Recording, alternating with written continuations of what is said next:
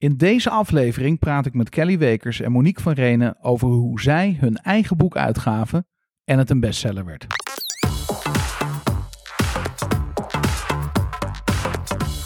Nou, welkom in de podcaststudio van Storybrand. Maar deze keer niet Roeland, maar ik heb een nieuwe co-host voor deze aflevering dan. Roeland komt gauw weer terug.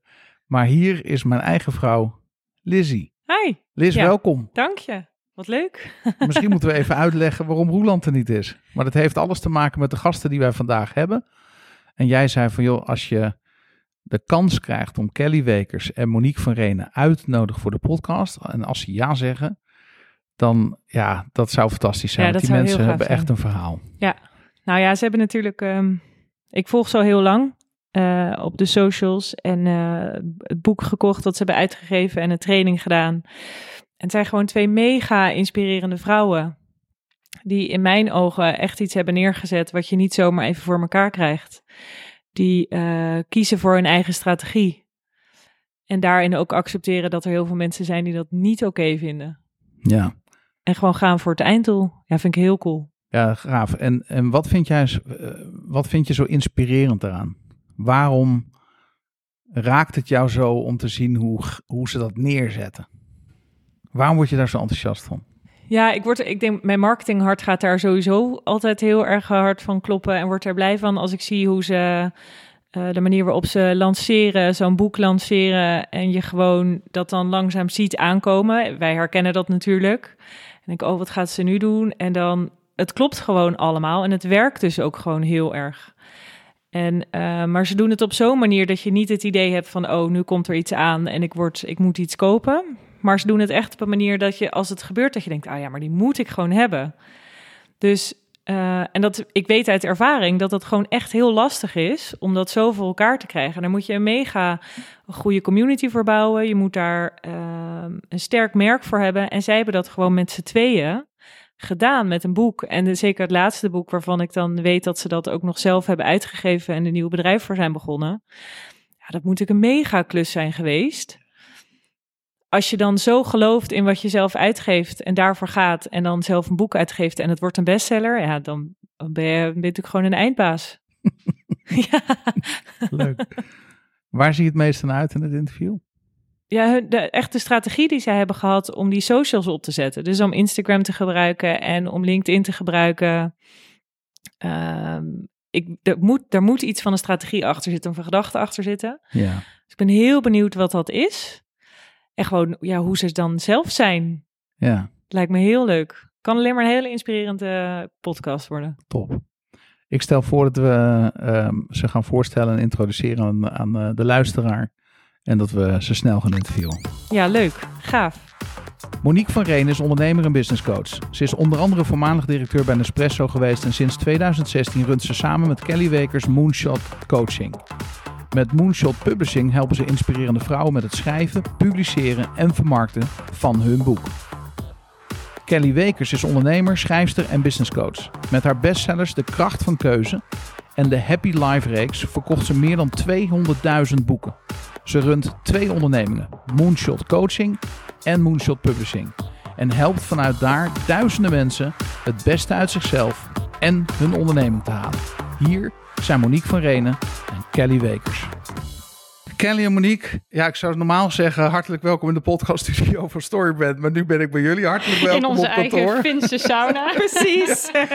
Maar fantastisch om hier te zijn en dank voor jullie kostbare tijd. Ehm, ja, hoe komt het dat jullie een, la- laat ik het zo zeggen, jullie be- besluiten op een gegeven moment, jij Kelly besluit om een boek te schrijven.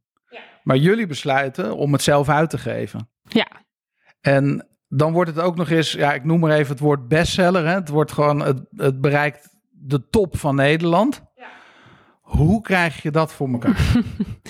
Nou, long story short. eh, eh, nee, het eerste waar het natuurlijk begint is wat je zegt. Ja, een boek schrijven is één. ja. Het zelf uitgeven is een ander.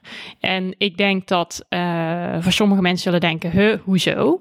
Voor ons was dat eigenlijk best wel een logische stap, aangezien wij al jaren samenwerken als businesspartners. En het enige wat wij de hele dag doen, is bedrijven laten groeien, ja. Ondernemingen laten groeien. Dus dat is eigenlijk onze core business. Vanuit Moonshot Coaching. coaching. Exact. Ja. En daarin kijken we eigenlijk per jaar in honderden bedrijven, vaak kleinere ondernemingen, Ja. die lean en mean werken. En dan denken wij, dit kan beter, dat kan beter, dat kan beter. Dus in de jaren daarvoor dat ik mijn boek had uitgegeven, eigenlijk gewoon eh, traditioneel bij een tra- traditionele uitgeverij, had ik best wel uitgesproken meningen over wat zij wel deden en wat ze niet deden en wat hun strategie was. En ja, was ik en waren wij best wel eigenwijs over hoe dat misschien beter zou kunnen. En wanneer het wel een bestseller zou worden en wanneer niet. En de inzet van social media. En dat hebben we ook best wel tot een bepaalde hoogte door kunnen voeren. Ja, absoluut. eh, bij die uitgeverij. Hebben ze ook wel wat ruimte voor gegeven om dat te kunnen doen. Ehm, maar ja, op een gegeven moment doe je het dan nog steeds voor een ander. Ja. En op een gegeven moment ga je een volgende boek schrijven en denk Ja. je... Als ik het dan toch zo goed weet. ja, want even voor de goede orde voor de luisteraar. Je hebt twee boeken al eerder geschreven. Ehm, en daar heb je volgens mij iets van 150.000 exemplaren van verkocht. Ja. Van die twee titels samen. Ja. Dus dat zijn al astronomische aantallen. Ik denk dat menig eh, eh, auteur eh, daar alleen maar van kan dromen. Ja, Dus, dus dat heeft meegewogen in jullie beslissing van ja, weet je, als we dan nog een keer een boek gaan schrijven, laten we dan vooral ook. Had je het gevoel ook dat je zelf al heel erg verantwoordelijk was voor de verkoop van je boek? Dat het jouw eigen initiatief was om te zorgen dat er zoveel verkocht Ja. werden? En ik denk dat dat ook niet iets raars is in eh, de traditionele uitgeefwereld. Dat eh, veel auteurs toch een beetje de illusie hebben, want dan ga ik naar een uitgeverij, want dan wordt mijn boek verkocht. Ja, Alleen het is gewoon een feit dat heel veel bij de auteur zelf ligt. ja, Eh, en dat die dat moet gaan aanzwengelen. En dat een uitgeverij natuurlijk wegen kent en weet hoe je van iets wat je op papier zet naar een boek komt en Ja. hoe het uiteindelijk in de winkel zou kunnen liggen. Tuurlijk, die kennis hebben zij. Echter, eh, het is niet dat je ergens tekent en dat je daarmee 10.000 boeken hebt verkocht. Nee. Dat zou fantastisch Ja. zijn. Maar daar moet je gewoon zelf heel veel voor doen. ja, ja. Ja, en als je het dan zelf moet doen, en ik denk dat dat met alles in eh, bedrijven is, en je, en je kan dat een beetje, ja, dan is het ook wel de kunst. Dat is misschien ook het ondernemersvonkje wat in ons dan zit, om dan te denken, ja, laat het dan maar eens een keertje echt proberen. ja. Precies, ja, het begon te kriebelen. En ik denk, omdat je al zoveel ondernemers hebt geholpen om Ja. ja. ja, booming businesses te bouwen. Eh, ja, soms is het ook leuk om een nieuwe uitdaging zelf erbij te pakken. Vooral Ja. moonshot coaching. eh, wij werken al zeven jaar staan, maar ja, het staat als een huis. Dus dan is er ook ruimte om nog een nieuwe onderneming op te zetten. ja, ja precies. Dus het was eigenlijk een logisch gevolg. Ja. En ik denk voor heel veel mensen is het juist eh, vooral heel fijn om bij een uitgever te zijn. Dat was voor ons ook heel fijn. Maar op een gegeven moment ja, is het een logische stap eigenlijk. Ja. Dat, ja. dan heb je al zoveel gedaan en zoveel geleerd dat je het ook makkelijker kunt. Mm, Ja, Of ja, vind je dat- misschien- Nee, ik denk dat dat niet voor iedereen. Het, is, het zit wel echt een beetje in ons DNA, omdat Mm. Ja. wij dat echt kunnen. Ja. Ik denk Ja. dat er heel veel auteurs zijn die eh, dat misschien ook helemaal niet willen, hè? Want het Nee. kost nogal wat tijd en energie en uitzoekwerk. Eh, het kost eh, financieel Ja, iets om Ja. het zelf te gaan doen en risico's te gaan pakken. Dus dat moet je ook kunnen. Hmm. Ehm, dus het is niet per se dat een, als je bij een uitge- uitgeverij zit, dat je dan daarna denkt: Oh, nu heb ik het handboek, dan ga ik het even zelf doen. ja, Eh, dat is echt omdat wij zelf heel veel hebben uitgezocht. ja, ja. Dus ik denk dat, voor, eh, dat het echt aan je unieke geval ligt, wat het beste is om het zelf te gaan doen. Of eh, gewoon bij een, een Ja. groter apparaat te zitten, die ook gewoon een stuk. Kijk, ze nemen iets van je, maar ze halen ook een stukje risico weg. Ja. Natuurlijk. Zeker weten. Ja, Dat is gewoon zo. ja. absoluut. En dan, dan ehm, dat moment waarop jullie dan besluiten om dat eh, samen dat avontuur aan te gaan. dan komt er een hele hoop op je af. Ja, nog Wat, wat komt er allemaal kijken bij een boek uitgeven überhaupt? Wat niet. En ook Nou in een precies. hele korte tijd. Klopt. Ja, Ja. Het, het, wa- het was natuurlijk zo zes weken voordat eh, het boek eh, eh, er was, eh, Ja. in de schappen zou liggen, hadden we nog nul eh, mensen die iets ingekocht hadden. Heel eerlijk. We wisten helemaal niet hoe die wereld in elkaar zat. Dus Nee. we hebben echt in een rap tempo dat eigen moeten maken. En dat was het gevolg ervan. Maar ik denk, het staat of valt natuurlijk met ja, gewoon een heel goed boek schrijven. En het is niet omdat het eh, eh, mijn partner crime hier naast Nee, me zit. maar- Maar, ja, ze heeft niet voor niks al twee hele goede boeken geschreven. En Ja, ik vind dit absoluut. zelf ehm, ja, haar beste boek ooit, omdat ze ook heel goed deelt hoe zij de dingen Ja. doet. Dus de basis. De basis is altijd een goed product. In elke onderneming, kijk, Ja. eh, Ja. eh, dat moet gewoon goed zijn, weet Ja. je. En daarna eh, komt de rest. Maar wat je gaat verkopen, daar moet een bepaalde behoefte aan zijn, want Ja. anders wordt het al niks. Ja, ik geloof gewoon niet in eh lousy products verkopen, Nee. zeg maar. Nee. Maar dat, daar wil ik het meteen over hebben, want ik zie twee kampen in Nederland. Volgens mij vanuit de literaire wereld Mhm. heel veel kritiek. Van joh, ja, is een simpel boek. Mhm. Hè, dat heb je zelf gedeeld ook, hè, Mhm. dat, dat, dat Mhm. die kant er is. Mhm. En dan krijg je de andere kant eh, eh, van mensen die ook kritiek leveren op misschien... Ja, maar die, Kelly is al bekend. En wat je deelt in je boek. Mhm. Eh, en daar, daar, daar aggregeer je ook tegen. Zo van, ja, maar zo werkt het gewoon niet. En je legt ook uit in je boek dat dat niet zo werkt. Nou ja, kijk, in de basis moet ik ze gelijk geven. Hè. In de basis is het één, is het een simpel boek? Ja, het is een simpel boek. Eh, twee, ken ik al mensen? Ja, ik ken al mensen. Maar zo zijn er nog heel veel mensen die al een netwerk hebben. Of heel veel mensen die in principe een Ja. tekst zouden kunnen schrijven. Maar ga maar eens een pakkend boek schrijven.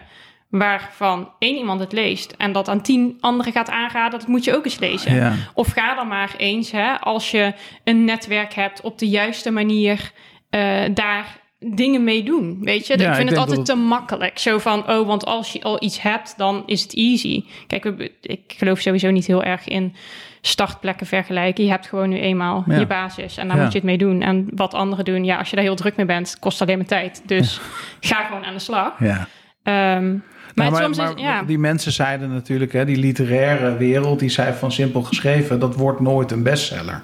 ja, dat klopt. En, en dat is natuurlijk eh, ehm, mijn vrouw, eh, Lizzie, mijn businesspartner ook, die geeft het boek aan iedereen cadeau. Ja. Die zegt eigenlijk, en, en het, ik vind iedereen moet het lezen, maar zeker ook eh, jonge vrouwen. ja, Ze zegt, ze zegt, joh, mijn nichtjes, eh, die, die moeten dat gewoon lezen. Ja, Ze precies. geeft het ook aan iedereen. Dat is natuurlijk het mooiste compliment. Als iemand denkt, ik ga Toch? dit cadeau Ja. geven Ja, maar aan dat, een doet ander. dus, dat, dat doen dus massa's mensen. ja. Hè, dus dus die, je hebt die criticasters, hebben jullie eigenlijk al doen verstommen. ja, en ik denk het is gewoon een andere markt. Kijk, wil jij eh, een, een heel hoogdravend boek schrijven? Ik kan het ontzettend eh, knap vinden van iemand die Ja. echt zo'n dikke pil schrijft, waar echt mega in-depth kennis in zit. Dan denk ik inderdaad, nee, dat zou ik Ja. niet kunnen.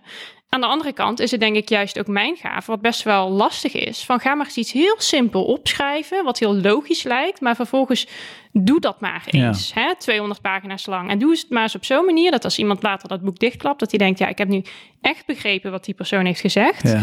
En ik doe er ook echt iets mee in het dagelijks leven. is best Ja. wel lastig. Nou, dat is de uitdaging. Waar ik aan moest denken toen ik het las. It takes practice to make something look easy. Hè? Dat is natuurlijk een Dat- Amerikaans gezegde. En, ehm, maar dan ook nog, want je had ook ervoor kunnen kiezen. ehm, en ik zie een soort mix, maar ik weet niet of ik daar gelijk in heb. Maar je had ervoor kunnen kiezen om je levensverhaal op te schrijven. Of je had ervoor kunnen kiezen om te zeggen: Oké, zo maak je goede keuzes.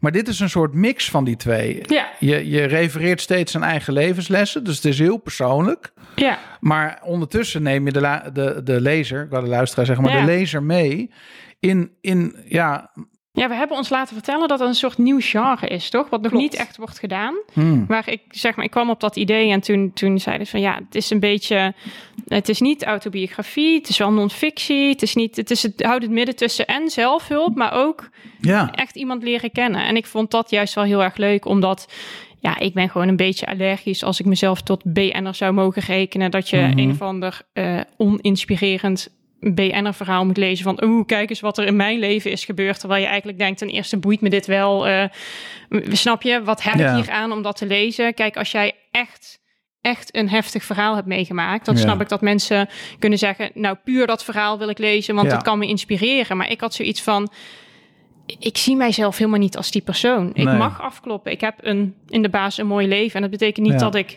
niets heb meegemaakt. Maar Nee. ik vind het relevanter dat ik kijk naar wat kan ik nu met het leven wat ik heb mensen meegeven. Waardoor ze kunnen denken, hé, hey, wat grappig. Doordat zij een aantal voorbeelden beschrijft. Voor mij heel herkenbaar. Het zet me aan het denken. Of het geeft me juist de bevestiging. Ja. hey, ik doe het al heel erg goed. Of juist het inzicht van, goh, ik heb hier de regie. Dus ik Ja. wilde ook een beetje dat midden, zodat...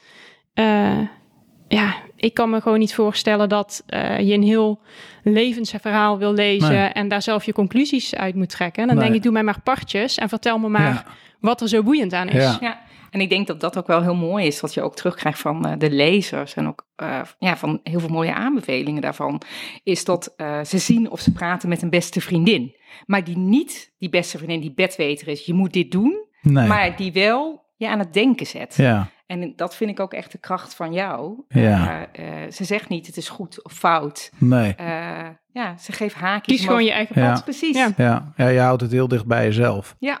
Uh, nog heel even terug naar het moment dat jullie beslissen om samen dat boek uit te geven.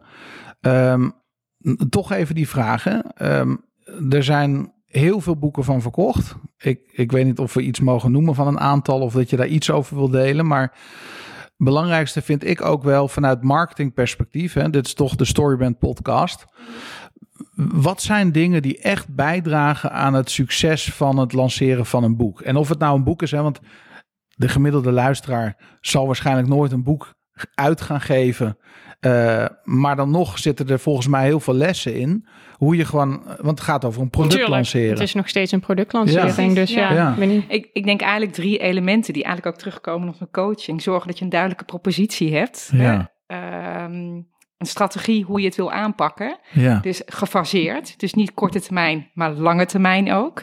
Uh, want dat is net als je een product uh, lanceert. Uh, je wil niet dat het product drie maanden later uit de schappen is. Dat is Nee. met een boek ook zo. Dus dat zijn verschillende fases waar je doorheen gaat. Dus dat in je strategie opnemen en je mindset. Dus die drie elementen eigenlijk, die zijn er heel erg Ja. in teruggekomen. Ja, dus dus- positionering, Ja. Ja. de strategie lange termijn. Hè, of Ja, tenminste kort kort, lange lange termijn.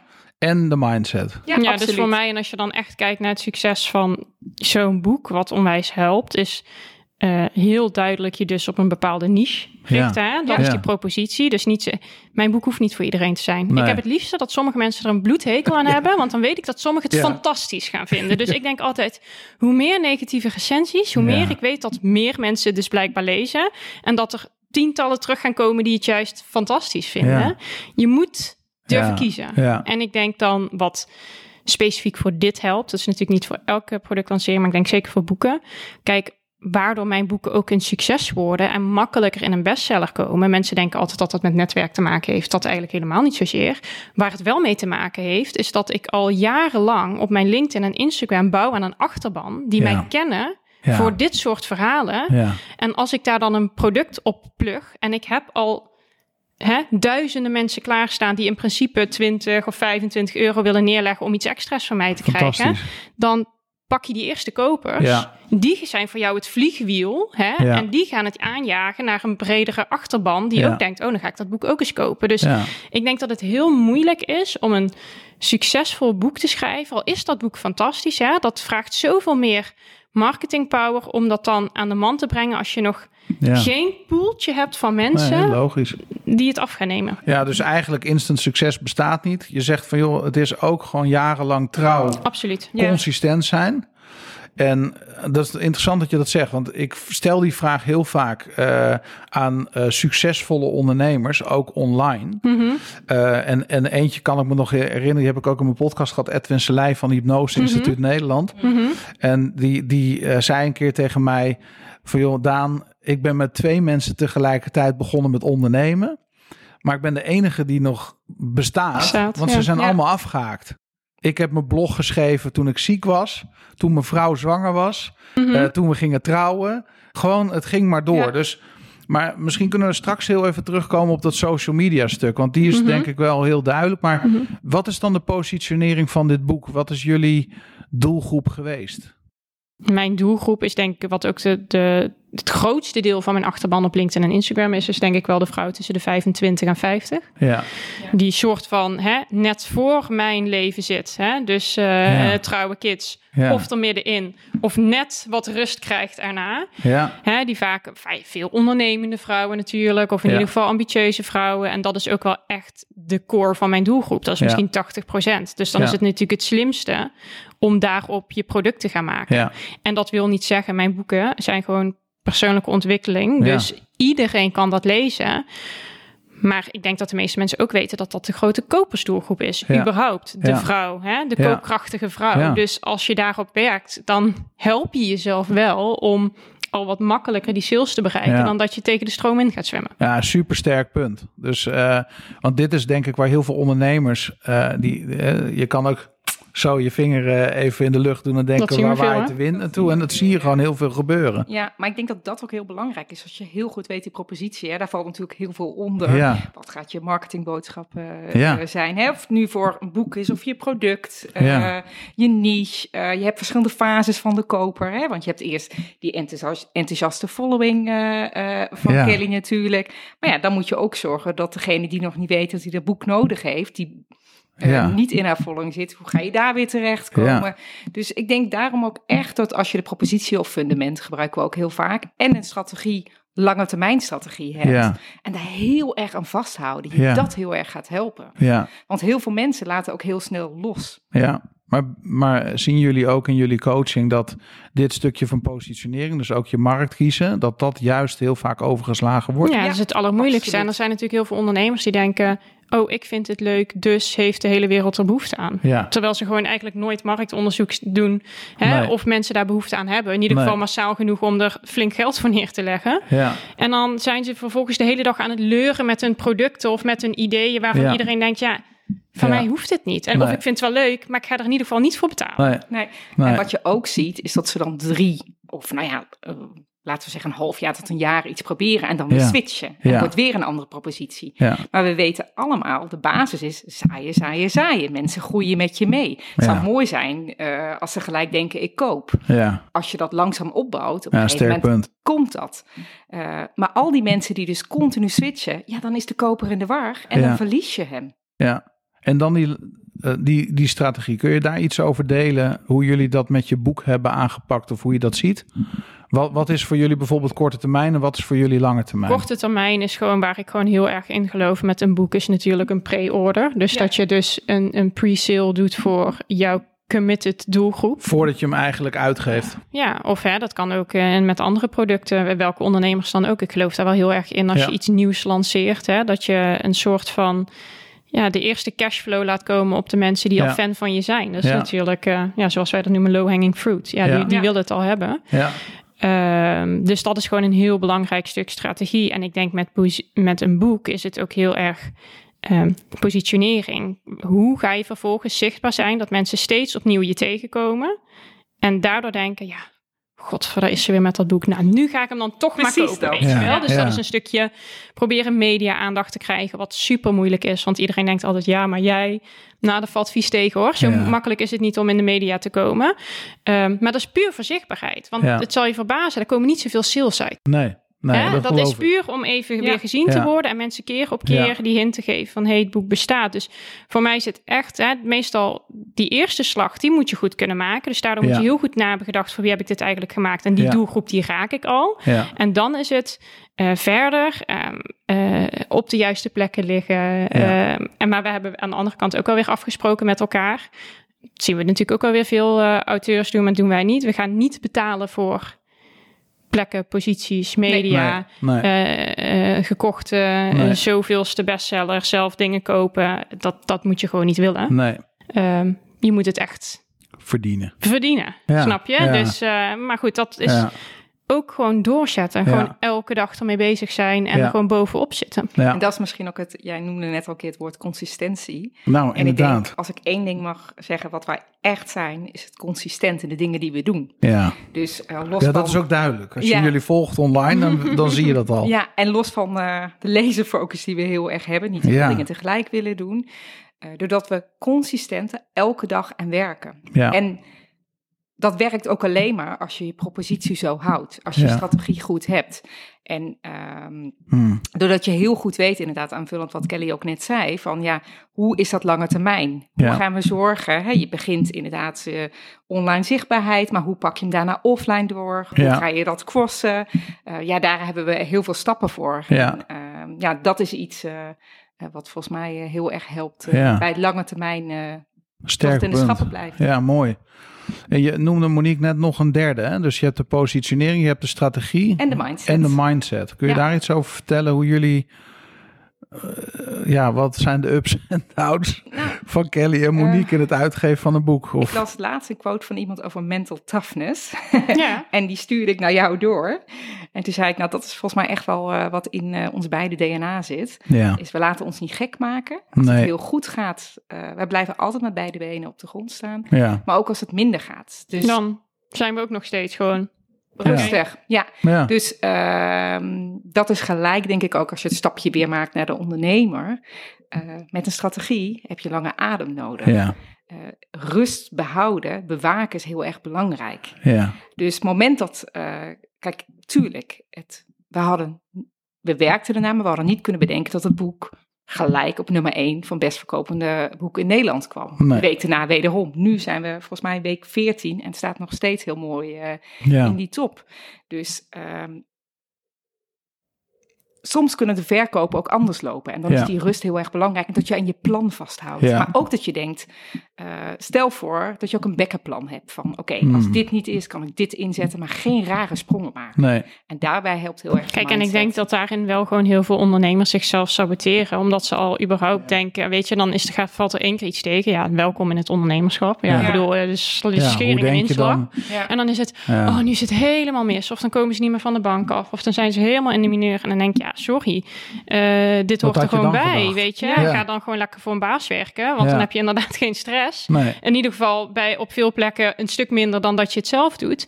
Maar hetzelfde als dan hebben ze één keer een, het gaat iets goed en dan is het oh Hosanna, nu zal het wel jaren zo blijven gaan. Nee, sorry, maar als jij niet weer achter je bureau gaat zitten en een slag gaat, ja, dan is het morgen alweer voorbij, weet je wel. Dus je moet gewoon eh, wat Monique zegt, gewoon die rust bewaren, maar ook wel echt erin geloven. Want ik weet nog jaren terug, toen ik dus nog geen boek had geschreven, ja, vier, vijf jaar geleden, weet ik veel. 2018. Had ik, wist ik niet eens wat het ging worden. Eh, toen zei ik wel, eh, de eerste vergadering met die uitgever. ehm, ik weet niet wat jullie denken, maar ik ga 100.000 boeken verkopen. ja. En ik zag ze soort van, en dat Ja. snap ik, hè, dat ze echt dachten, oh, daar heb je er weer één die Ja. denkt dat ze dat gaat verkopen. Maar ik heb wel echt die overtuiging. En als ik iets ga maken, dan maak ik dat om er een succes van te maken. En niet om te zeggen, nou, we zien wel eens even wat het doet. Nee. Nee, Nee. je, Je hebt gewoon een maakt plan. het precies Ja. wat je eigenlijk net Ja. vertelde, dat verhaal van die, wat was hij nou ook Sander weer? Aert. Ja, Ja. precies. Dat hij zegt, ja, waarom maak ik dat? Om impact te maken. En ik maak geen impact. Tuurlijk mag je heel blij zijn als je tien mensen bereikt. Maar het is leuker als je er honderdduizend Ja. bereikt. Ja, je hebt als toch je iets te impact wil vertellen? maken. Precies. Ja. Iets doorgeven. Ja, en dat is altijd, weet je. Dat is hetzelfde als of dat in onze business coaching is. We hebben gewoon altijd de doelen die we hebben, die zijn eh, ambitieus, maar even goed realistisch. En we gaan er ook echt voor. En ik ben Ja. ook echt overtuigd dat je die kan bereiken. Want anders ben je eigenlijk al tegen jezelf voordat je bent begonnen. Ja. En dan wordt het gewoon Ja. niks. Ik heb nog drie vragen. Ik wil één vraag stellen over social media. En ik wil één vraag stellen over wat doen jullie precies bij Moonshot Coaching. Mhm. Ja, dus, dus ook gewoon, hou gewoon even je pitch ook. Dat de luisteraar ook weet, hey, Mhm. is dat iets voor mij? En, en als laatste, omdat jullie een nieuw business hebben, Moonshot Publishing. Mhm. Ja, voor wie is dat? Ja. Maar zullen we heel even met social media beginnen. Ik ben Mhm. even benieuwd naar jullie visie, want jullie zijn onwijs zichtbaar op social media. Jullie hebben onwijs veel volgers. Dat gebeurt ook niet van de een op de andere dag. Maar waarom is het zo belangrijk om, om die continuïteit daarin te hebben en hoe doen jullie dat? Nou ja, ik, ik- misschien ik begon ooit met social media. In die zin, eh, ik was echt een eh, Insta-queen, zeg maar. Dat ik dacht, oh, Instagram komt op. Het begon allemaal best wel eh, lala. Ik deel eens een keer een quote, want ik was dat toen wel psychologie gestudeerd. En een beetje over mijn leven. Toen ging ik dat best wel snel gebruiken als een manier om klanten binnen te halen in mijn business. Ja. En dan even hè, heel lang verhaal kort. Dat deed ik dus op die manier via Insta. Toen ik met Monique ging samenwerken, zei zij... LinkedIn, dat wordt echt een ding, Kylie. Jij moet daarop. Eh, weet je, dat is niet... Ik zeg, eh, dat is puur cv's uplo- uploaden of wat is Ja. dat dan? Ja, Eh, en toen zei Monique, nee, ik weet zeker, dat wordt het helemaal. Dus om over consistentie te praten... Ja, wat jij eigenlijk zei toen tegen Ja. mij, van... Je moet beginnen daarmee. Weet En je? elke dag gaan posten. Ja. En ik had eh, 300 volgers, geloof ik. 393, ik weet nog precies. Ja. En dat is nog niet zo heel lang, een paar jaar terug. Dus Ja. het, is, het kan heel snel ja gaan. het kan heel snel gaan. Ja, en die zijn het er, eh, weet ik veel, bijna 90.000. Ja. Maar dat is echt omdat dus. Monique tegen mij zei van... joh, dit is een mooi platform Ja, om juist ook business-wise jezelf ook te laten zien naast dat Instagram. Laten we dat dan gebruiken hè, voor Ja. de business coaching, Ja. om daar ook mensen Ja. uit te trekken. Maar dan moet je gaan posten. Want heel veel mensen denken dan, ja, maar jij hebt al zoveel volgers. Ja, Mhm. een paar jaar geleden had ik die ook niet. Nee. Dat is dus elke dag opnieuw. We hebben ons echt toen voorgenomen, nou, in ieder geval drie keer per week week Klopt. komen wij met waardevolle content. Ja. Waardoor mensen denken, hey, leuk, ik raak geïnspireerd, ik raak gemotiveerd, mooie Klik, tip. volg. Ja, precies. Exact. En In- dat vastgehouden. Ja. En niet gedacht, toen dat heel langzaam ging in het begin, we laten Nee. los. Nee, gewoon Nee. blijven gaan. Ja. Blijven gaan. Ja. En als ik dan gelijk een tip voor, een tip voor de luisteraars mee mag eh, Ja. geven, wees ook sociaal eh, interactief, Ja. oprecht. Ja. Dus wat heel veel mensen doen, eh, like, like, like, like, like. Maar neem eens bewust even de tijd om echt even te kijken, wat raakt je nu als mens of als ondernemer en reageer erop. Ja. Support elkaar. Ja, ik zie LinkedIn er als de zakelijke krant, dus ik vind het een geweldig mooi eh, medium. Maar als je dat ook doet, heb je ook nog een manier van Ja. zichtbaarheid. ja, die is ook mooi. Het gaat niet alleen om wat je zelf post, maar ook om de interactie. Het blijft een sociaal platform. Exact. Ja, En voor ons is het gewoon so- de social media strategie. Dat is dus Ja. ook iets dat zullen we misschien nog aanraken. Maar wat heel duidelijk in onze coaching zit. Wat nu, hoe wij dat precies doen. En dat Ja. leren we dus ondernemers die eh, met ons gaan werken. Omdat dat voor ons gewoon 90% van onze business Komt komt daar daaruit. En dan Ja. denken mensen, ja, maar daardoor, hè, voor jullie is het dan interessant. nee, we hebben hele andere targets dan eh, de gemiddelde ZZP'er. Als jij daar een paar klanten met onze strategie uit gaat halen. Ja. In plaats van maar te hopen dat die klanten komen ergens via je netwerk of iemand Ja. die een keer aangaat. Het is toch veel fijner om die In control. voorspelbaarheid en die continuïteit zelf te genereren door je met je expertise zichtbaar te maken, consistent aanwezig te zijn en komen die klanten naar je toe. Ja. Hoe lekker is dat? Ja, precies. En daarom is die propositie ook heel erg belangrijk. Want het heeft ook geen zin om online zichtbaar te zijn als je niet weet waarom je doet wat je doet. Nee, waar precies. En vandaag je post over X en morgen over Y. Ja. En wie En ben jij en waar ben je van? Ja. Of wat je dan ook heel vaak ziet, eh, maak een keuze. eh, besluit, ik ga één keer in de twee weken beginnen en doe dat eens Ja. drie maanden lang. Ja, Ja. Maar wat is dan voor jullie een social media strategie? Kun je daar iets over zeggen? daar Ze zitten moet- zoveel elementen Ja. in, heel Ja, eerlijk gezegd. De social media strategie overkoepelend is gewoon dus dat je geregeld zichtbaar gaat zijn, Ja. want mensen kunnen niet ruiken dat je bestaat. Nee. Dus je kiest je kanaal waar je Ja. het dichtste bij bent met je doelgroep. Voor de een zal dat LinkedIn zijn. Ik denk voor veel ondernemers die wij coachen is dat LinkedIn, want dat Ja. is gewoon een heel mooi platform. Maar hè, dat kan ook Instagram zijn, al is het YouTube. Dat je bepaalt hoe vaak ga ik zichtbaar zijn. En in onze coaching duiken wij natuurlijk, wat is nu precies je aanbod? Precies. Zit de markt daarop te wachten? En dat je dus zichtbaar gaat zijn. Juist op die manier dat het je klant gaat prikkelen. Dus Ja. het gaat er dus ook niet om dat je inderdaad drie keer per week in de wilde weg iets gaat posten. Nee. Of een of ander, dan weer een zielig verhaal en dan een quote. En dan snap je, en dan denk je, waar gaat het naartoe? De klant moet denken, hey, hij of zij heeft echt iets aan mij te Ja, bieden. die lost een probleem Ja. op. En of dat nou eh, voor een, een vrouw is van 35, Ja. wat die Pietje Puk ook is. Wij noemen Ja. dat de Pietje Puk, de ideale Ja. klant. Hè? Of het is iemand van 70 met een bepaald iets. Of een kind met eh, dyslexie. Ja. Of hè, we we helpen allerlei ondernemers. Maar dan richt je je daarop en dan communiceer je continu met die ideale klant in je achterhoofd. En als je dat gaat doen, dan komen daar gegarandeerd klanten uit. Ja. Ja. Dat is bij ons al honderden keren opnieuw bewezen. Dus Ja. dat werkt gewoon. Ja, en, Maar dat is toch ook logisch? We hebben Ja, toch allemaal een telefoon in onze zak. We lopen Ja. de hele dag kijken op LinkedIn en Insta. Ja, hoeveel uur per dag zitten we wel niet Dan op wil dat je ding? toch daar ja, zijn? toch? Ja. En mensen zeggen ook altijd heel vaak, ik kan me nog heel goed Heerlijk. herinneren, iemand eh, die eh, heel erg offline was, die zei, ja, maar online, dat is toch heel vaag contact. Nou ja, kijk hoe wij hier vandaag Ja. zitten, omdat we online hebben een connectie gehad. ja, omdat je, jij... gaat, je bent koud Ja. en langzaam word je warmer. En dan Ja. denk je van, dan heb je eigenlijk het idee, ik ken die persoon al. Klopt. Dat is denk ik ook nog een Nou, we belangrijke... hadden het net toen ik binnenkwam, Ja. weet je wel. Wat leuk. Je zei letterlijk van, joh, wat leuk om elkaar nou eindelijk eens levende lijf te Ja, zien. ja, en niet van zeker. LinkedIn. Ja, ja. Ja, zo werkt het toch? Ja, ik ben altijd van, eh, we kunnen al naar die netwerkbijeenkomsten Ja. gaan, maar ik vind dat een beetje doelloos eh, koffie drinken. Online kunnen we Het effectief is super zijn. efficiënt. Ja, Ja. en het mooie is eh, van een platform als LinkedIn of Instagram, hè, waar, je, waar je Pietje Puk inderdaad ook eh, zit, Ja. Is dat jij daar zelf als ondernemer zichtbaar kan zijn. Dus Ja. het is niet alleen maar, kijk, dit is wat ik doe. Je kunt een stuk van jezelf laten zien. Dus dan leer je iemand heel goed Ja. kennen. Ja. Ehm, wij doen heel veel marktonderzoek, want niks is belangrijk. Ik bedoel, je kunt zelf iets vinden, maar ook door de ogen van eh, ja, Ja. de, de potentiële klanten kijken. En dan krijg je ook altijd woorden terug, zoals over jou. Ja, jij bent van de no-nonsense. Ja. Dat zeggen ze over haar, omdat ze op die manier ook schrijft. Dat ze denken, Ja. oh, lekker Jip en Janneke, ze maakt het simpel Dus je mij. voert ook Ja. echt je DNA Ja. door in je social media strategie. Van Ja, de foto's die je gebruikt tot de taal die je spreekt. Ja. Ik weet dat ik, of het nu met mijn foto's is of met hoe ik praat of hoe simpel ik, dat ik heel duidelijk mensen ga afstoten. Ja. Maar dat is ook de bedoeling. Precies. Want ik moet mijn ideale klant Ja. aanspreken. Ja. En ik denk dat te veel mensen te vlak, het is vlees nog vis. Ja. Snap je? En Ja, dat ze is de willen alles kunst. zijn voor iedereen Ja. en daarmee zijn ze niks voor niemand. Nou ja, dat vind ik altijd een van de mooiste uitspraken die er is. En dat is ook zo. En ik denk dat de meeste ondernemers durven daarmee te struggelen. kiezen. Durf te Toch? kiezen. Het is angst voor afwijzing in de diepste sens. Ja, hè? Denk Precies, ik ook. en je moet gewoon helemaal omarmen dat je gewoon keihard wordt afgewezen door bepaalde mensen. Want dan weet je dat, op, dat je op het juiste spoor zit. Want dan gaan sommige mensen denken, Ja. hé, hey, maar jij bent onderscheidend. Ik snap wat jij bedoelt. Jij spreekt mijn taal, Ja. weet je wel. Oeh, je hebt het over mijn Ja. probleem. Ja. Dat kan niet als je iedereen wil bedienen. Dat bestaat gewoon Nee, niet. nou, je schrijft er ook over in je boek, hè? Van joh, neem nou gewoon voor lief dat je niet, gewoon Ja. je wordt niet door iedereen geaccepteerd. Omarm dat nou.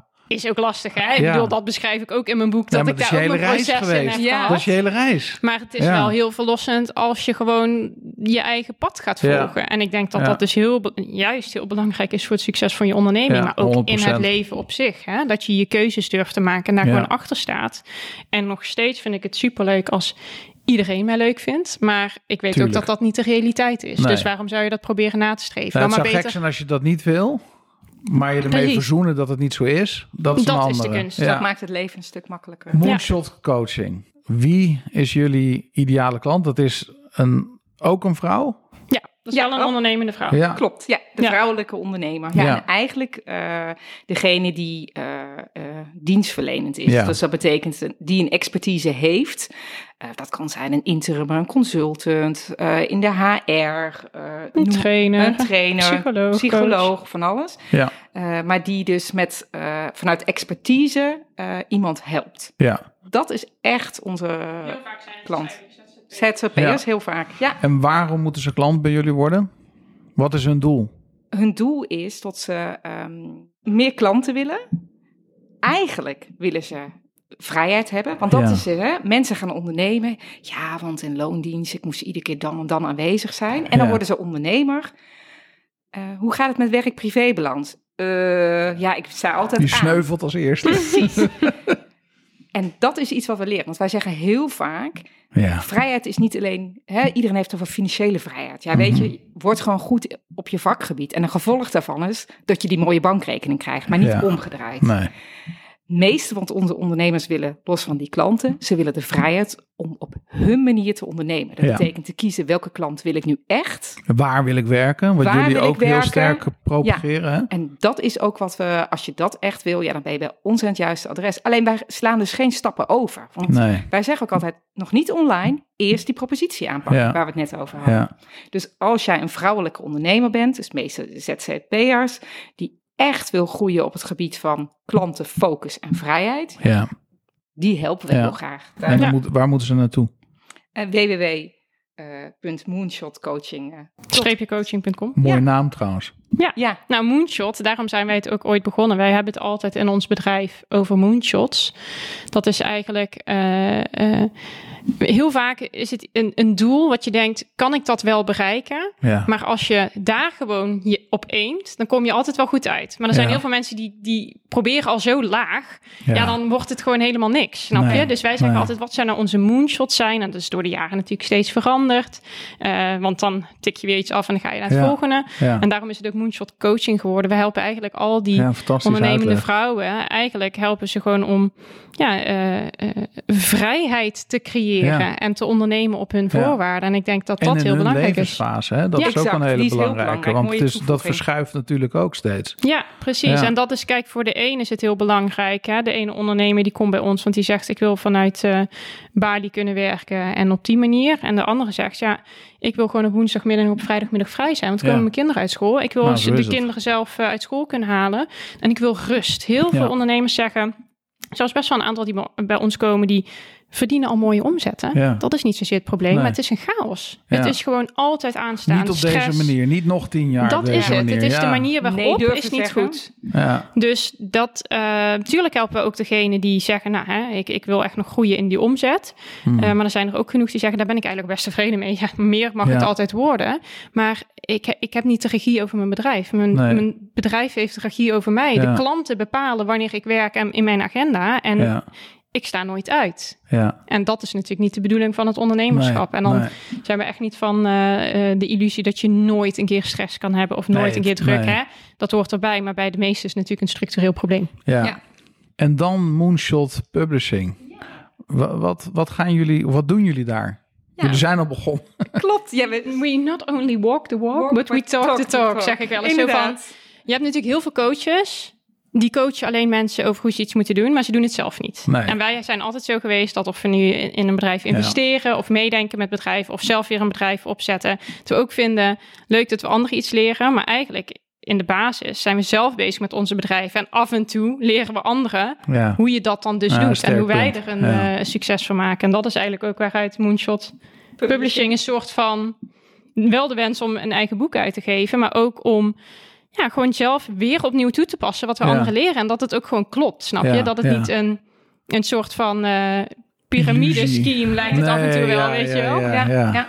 En eigenlijk, ja, je vraagt waar we voor staan. Eh, eigenlijk willen we heel graag ook eh, vrouwelijke, eh, ja, inspirerende vrouwen. Die willen we graag helpen met het schrijven, ja, publiceren en het vermarkten. super. Ja, dat is gaaf. Dus echt wel de full package Ja. we doen. Ja, Het liefste vrouwen die ook nog denken, nou wij zijn daar ook weer, Moonshot heet het ook hè? Dus ja, wij zeggen, ja, je moet ook wel een Nederland is een hele leuke markt. Eh, hier moet je het goed doen. Maar eigenlijk nog het liefste die zeggen, nou, dit zou gewoon niet zo, dit moet de wereld weten. Ja, Snap cool. je? Ja, Want dat is ook heel erg in het traject waar we nu met mijn boeken in zitten, van dat we echt naar die next step. Het is superleuk natuurlijk om hier het succes te hebben. Maar als je dat dan ziet als een marktonderzoek, zou je eigenlijk moeten zeggen, er is buiten Nederland nog veel meer. ja 100 procent. Dus ja. Super. En ja, misschien lukt het wel, misschien lukt het niet. Maar ik ga ervan uit dat het lukt natuurlijk. Ja. Want Precies, met zo'n idee begin voor. ik het plan. Ja. Ja, precies. Ehm, waar ik altijd mee afsluit als laatste vraag is... eh, welk boek heb je recent gelezen of ben je aan het lezen... of waar je zegt dat is zo inspirerend? Ja, ik, ik zit eh, ehm, van Socrates, heb ik net gelezen, Sneakers. Oh ja, Socrates op sneakers. Op sneakers, ja. ja. elke wis. Ja, en dat gaat eigenlijk over vragen die je kan stellen, hè? Ja. eh, filosofisch. eh, en dat, ja, die heb ik op vakantie eh, eh, gelezen om gewoon eens... ehm, we zijn natuurlijk zo zakelijk ook bezig, dat ik het heel leuk vind. Ja, hoe kun je soms op een bepaalde manier nog dieper gaande in gesprek Ja. gaan, privé... Ja, die verbinding. die verbinding nog meer opzoeken. Ik ben altijd, ja, oprechte aandacht maakt het verschil. is een beetje mijn persoonlijke motto. En dat, ja, dat vind ik leuk om dat soort boeken Ja, te lezen. heel mooi. Ja. Dankjewel, die gaan we meenemen. Maar het eerste boek wat ik heb gelezen was gewoon voor het eerst in tijden gewoon een roman. Omdat ik gewoon helemaal dood was van alles wat we hadden geleerd en gedaan. En zo in materie gezeten. Dus ik had eh, Zeven Echtgenoten van Evelyn Hugo. Heerlijk boek trouwens. Zeker een aanrader. Maar ik ben dus nu bezig in ehm, het boek van Vreugde van eh, Desmond eh, Tutu en Ja. ehm, de Dalai Lama. ja, Over hoe breng je nu meer vreugde in je leven. Wat altijd natuurlijk weer een beetje raakt aan mijn vakgebied. ja. Vind ik wel een mooi boek hoor. Gaaf. Het zijn natuurlijk ook niet de minste mensen, maar... Ik eh, heb hem in mijn boekenkast staan, ja. maar nog niet gelezen. Dus ja. eh, nou, ik ben dus sinds kort aan de e-reader. Ja. Eh, Dat wilde ik elke keer pertinent niet, want Nee. ik dacht nee, een echt boek en het gevoel. En dat blijft.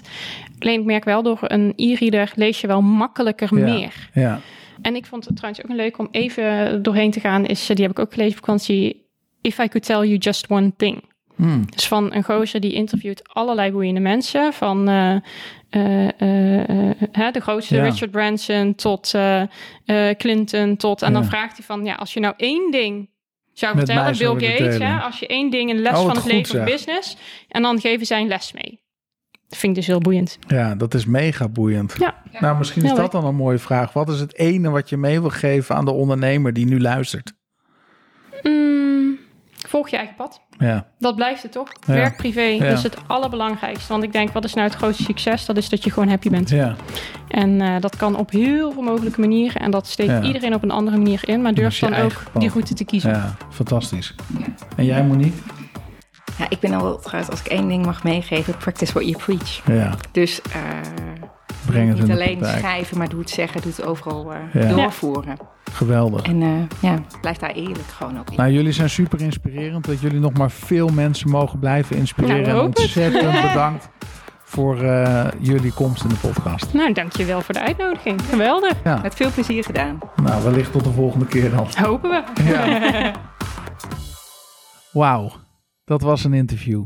Ja, Wat een waarde. gaaf toch? Ja, ik ben heel benieuwd, Liz.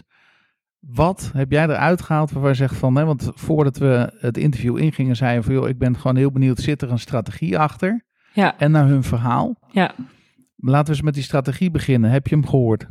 ja, ik heb hem wel gehoord. Er zitten wel, eh, er zitten wel echt punten in waarvan ik denk, je weet ze wel ergens. Maar dat je ze dan zo achter elkaar plakt. En dat je, hè, dus consistent, wat ze ook zegt, gewoon je moet gewoon, of je gaat alles all the way of niet. En vooral met zo'n LinkedIn. Ehm, en dat je gewoon moet blijven posten. Weer of geen weer, weet je wel. Dat is toch, dat, dat blijft het allerbelangrijkste. Hmm. Ehm, en dat je gewoon heel duidelijk keuzes maakt. Wat ga ik wel doen en wat ga ik niet doen? En daar dan aan vasthoudt. Dat zijn wel echt hele belangrijke dingen. Ja. Wat ik ook wel heel mooi vind, is dat ze eh, delen dat eh, je kan als buiten. Weet je, dit, dit viel me op. We hebben zo vaak een oordeel over mensen. En eh, dat, dat schrijft ze natuurlijk ook in haar boek. Hè? In, in, in het boek eh, De kracht van keuze zie je dat ook terugkomen. Ja, Maar dat ze zegt van ja, weet je, het is echt voor mij echt niet makkelijker om een bestseller te, te, te maken. Het is niet makkelijker voor mij om in de media te komen. Het is gewoon keihard Nee. werken. Er zijn geen shortcuts. Ehm, wat vind jij van het stukje wat gaat over die positionering? Hè? Dat kiezen van die doelgroep van 25 tot 55 jaar vrouwen. Die of voor mij zitten, eh, Ja. zei ze, of in die fase van moeder zijn, of daarna. ja. Ja, ik denk dat dat het enige is wat ze kan doen. Omdat dat zo dicht bij, bij, bij haarzelf ligt. Ehm, dat het ook voor die vrouw leuk is om haar op, eh, op Instagram te volgen. Ja. En ik denk juist als je... eh, En op LinkedIn. Ja, en op LinkedIn. Maar ik denk dat de meeste haar gewoon snel tussen het koken en tussen de kinderen doorvolgen op Insta. Gewoon even een story bekijken of een post lezen. Hmm. Eh, ik denk dat als je dan die doelgroep kiest, Ja. Dat je daar het snelste connectie mee maakt. ja. En eerlijk is eerlijk, wat zij beschrijft in het boek, dingen die zij meegemaakt heeft in de jeugd, iedereen heeft daar wel iets van meegemaakt. Dus het, Ja. is, het is heel herkenbaar ook, weet je wel. Iedereen denkt, het- en dat is ook wat Monique zegt, hè? het is eigenlijk je, een van je beste vriendinnen, alleen dan niet degene die vertelt eh, wat je wel niet moet doen. Ja, maar de, de, de angst, hè, we kennen allemaal het principe in de, sterker nog in de psychologie, verliesaversie. Ja, Ehm, als mens ben je banger om iets kwijt te raken dan om iets te winnen. ja, Je bent ook eh, tot vijf keer toe meer genei- genei- geneigd eh, om eh, iets te doen om iets niet kwijt te raken dan de motivatie om iets te winnen. ja, gek hè? En als je dan hoort dat zij bereid zijn om.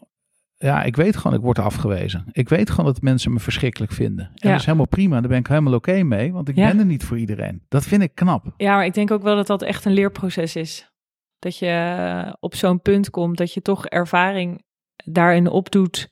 Ja, Ehm, en dat denk ik ook als je naar, naar ons kijkt, dat je dat leert vanzelf door ondernemen. Van ja, daar is, ik, ik ontkom er niet aan dat ik mensen niet gelukkig ga maken. Hmm. En ik denk als je zo in de, in de spotlight staat en kiest ook met die strategie om naar buiten te gaan, dan vind ik het heel knap. Kijk, het, wat je zegt, het constateren dat dat moet is één, maar je er echt voor openstaan en dat accepteren, dat is twee. ja. Ja, het is heel knap als je dat gewoon zo kan. ja, en ongetwijfeld gaat dat de ene dag beter dan de andere. Ja, Maar als je doorvoert in principes in je marketing, zoals ik ben er voor die doelgroep en dus niet voor die. Nee. Dat is ook een hele belangrijke. Want ik kom ook heel veel ondernemers tegen, en jij ook, die willen niet kiezen, want die zijn bang dat ze daarmee omzet verliezen. ja, dat, ja dat, is, dat hoor je hier dus ook. Dat is dus echt heel onhandig, want daarmee verlies je juist heel veel omzet. Want Ja. wie ben je dan? Ja, Ben je dan voor iedereen? Dat kan toch niet? Het kan niet zo zijn dat jouw schoenen op alle voeten passen. nee, Dat kan niet. Dus het zijn, is alleen geschikt voor die mensen. ja. En als je dat kan accepteren en als je daar mee aan de slag kan gaan voor je eigen bedrijf, ja, dan ligt de wereld aan je voeten, toch? Ja. Wat vind je van, ehm, ja, je noemde het net al eventjes, maar laten we het nog heel veel bij stilstaan. Consistent zijn op social media. Ja. Dat is toch geweldig? Ja, ik denk dat dat een van de dingen is die iedereen weet, maar wat gewoon een van de meest lastige dingen is om te doen. Dat je dus inderdaad drie keer in de week iets post, maar ook iets van waarde post. Dus niet post, ik zit op de wc, maar gewoon echt iets neerzet. Ja, als je dat kan, als je daarmee aan de slag kan gaan en het lukt, dan dat is cool. Ik Hoeveel, vind dat knap. hoeveel verhalen worden er nu niet verteld, omdat mensen gestopt zijn. Net voor de doorbraak. Ja, heel veel denk Daar ik. moest ik aan denken Ja. bij het interview. Zij zijn heel consistent geweest. Ze hebben Ja. echt gedaan, als we het doen, dan doen we het goed. En dan blijven we volharden. Ja. Hoeveel ondernemers zijn wel niet gesneuveld? Of komen nooit zo ver als ze zouden kunnen komen, doordat ze gewoon niet consistent zijn. Daar moest ik even aan denken. Ja, heel veel denk ik. Ja, Ja, maar het is denk ik ook een combinatie van doorzettingsvermogen, en geloven in jezelf. Want daar valt of staat het natuurlijk mee. Als jij gelooft in, in het product wat je hebt en als je gelooft in je aanpak, dan eh, weet je vanzelf wel dat het een keer door gaat breken. En dat is natuurlijk ook wat er, door dat, wat, wat er bij hun doorheen gaat. Is wij geloven gewoon in wat we neerzetten. ja. En als je dat maar blijft zeggen tegen jezelf en maar blijft oprecht blijft geloven, dan komt er vanzelf een keer een doorbraak. ja. Dat kan dan niet anders. geweldig. Ehm, laatste gedachte voordat we gaan afsluiten. Hoe vond je het om dit te doen? Ja. Die kon je verwachten, hè? Ja, die kon je verwachten. Ja, leuk, natuurlijk. Ja? Ja. Maar heb je nog een afsluitend eh, woord? Wil, heb je nog iets in je aantekening waar je zegt, ja, dat ben ik nog, dat, dat moeten we er even in gooien? Nee, ik zou, eh, ik zou het boek gaan kopen. Ja, dat een mooie, hè? Dat zou mooi zijn. Koop dat, het eh, boek, de ja, kracht koop- van keuze. Ja, want je leert er echt wat van. Ja, Niet per se alleen vrouwen. Ik snap Nee. dat dat haar doelgroep is. ja, Maar ehm, de kracht van keuze geldt voor iedereen. ja. Nou, en misschien is dat nog wel een interessante, want ehm, wij hebben het boek allebei gelezen en jij zei van, joh, eigenlijk zou elke jonge vrouw dit ook moeten lezen. Jij, jij Ja. geeft het ook weg. Ja. aan neefje, of ja, aan nichtjes vooral, denk ik. Ja. Maar waarom vind je dat zo belangrijk? Ja, omdat ik denk dat de wereld waarin ehm, jonge meiden nu opgroeien best wel heel ingewikkeld is. En je moet heel veel als je ook kijkt naar wat je eh, moet als je ouder bent. In ieder geval voelt alsof je het moet. Hmm. Ik denk de wereld waarin jonge meiden nu opgroeien tussen de verwachtingen die ze hebben. Als je dan dit boek leest en leert dat het oprecht jouw eigen keuze is welke kant je opgaat. Ja, Hè, dus ga ik wel of niet studeren? Of ga ik gewoon werken omdat ik daar blij van word? Eh, wil ik wel of geen kinderen? Eh, blijf ik alleen? Op het moment dat je realiseert dat dat een keuze is die je zelf maakt in je hoofd en in je hart, en dit boek kan daaraan bijdragen, dan Ja. heb je denk ik een veel leuker leven dan dat je superkrachtig, ja. dat niet hebt. Nou, en ik wil ook wel daaraan toevoegen wat je net zelf zei, hè, want dit is een, een doelgroep. Maar ik zou elke man, weet je, ik heb hem zelf ook gelezen, het is super leerzaam en eh, heel inspirerend. Ja, nou, ik denk ook voor mannen dat het interessant is om te lezen wat voor keuzes vrouwen dan af en toe vinden dat ze moeten maken. Zo. Ja, nee, maar dat is waar. Toch? Ja, want het, ja, zo werkt het nou bij vrouwen in hun hoofd. Ja. Nou, Kelly en Monique, hartelijk bedankt voor jullie komst. En ehm, luisteraar, ontzettend bedankt voor het luisteren. En tot volgende week. Met Roeland. Met Roeland. All right.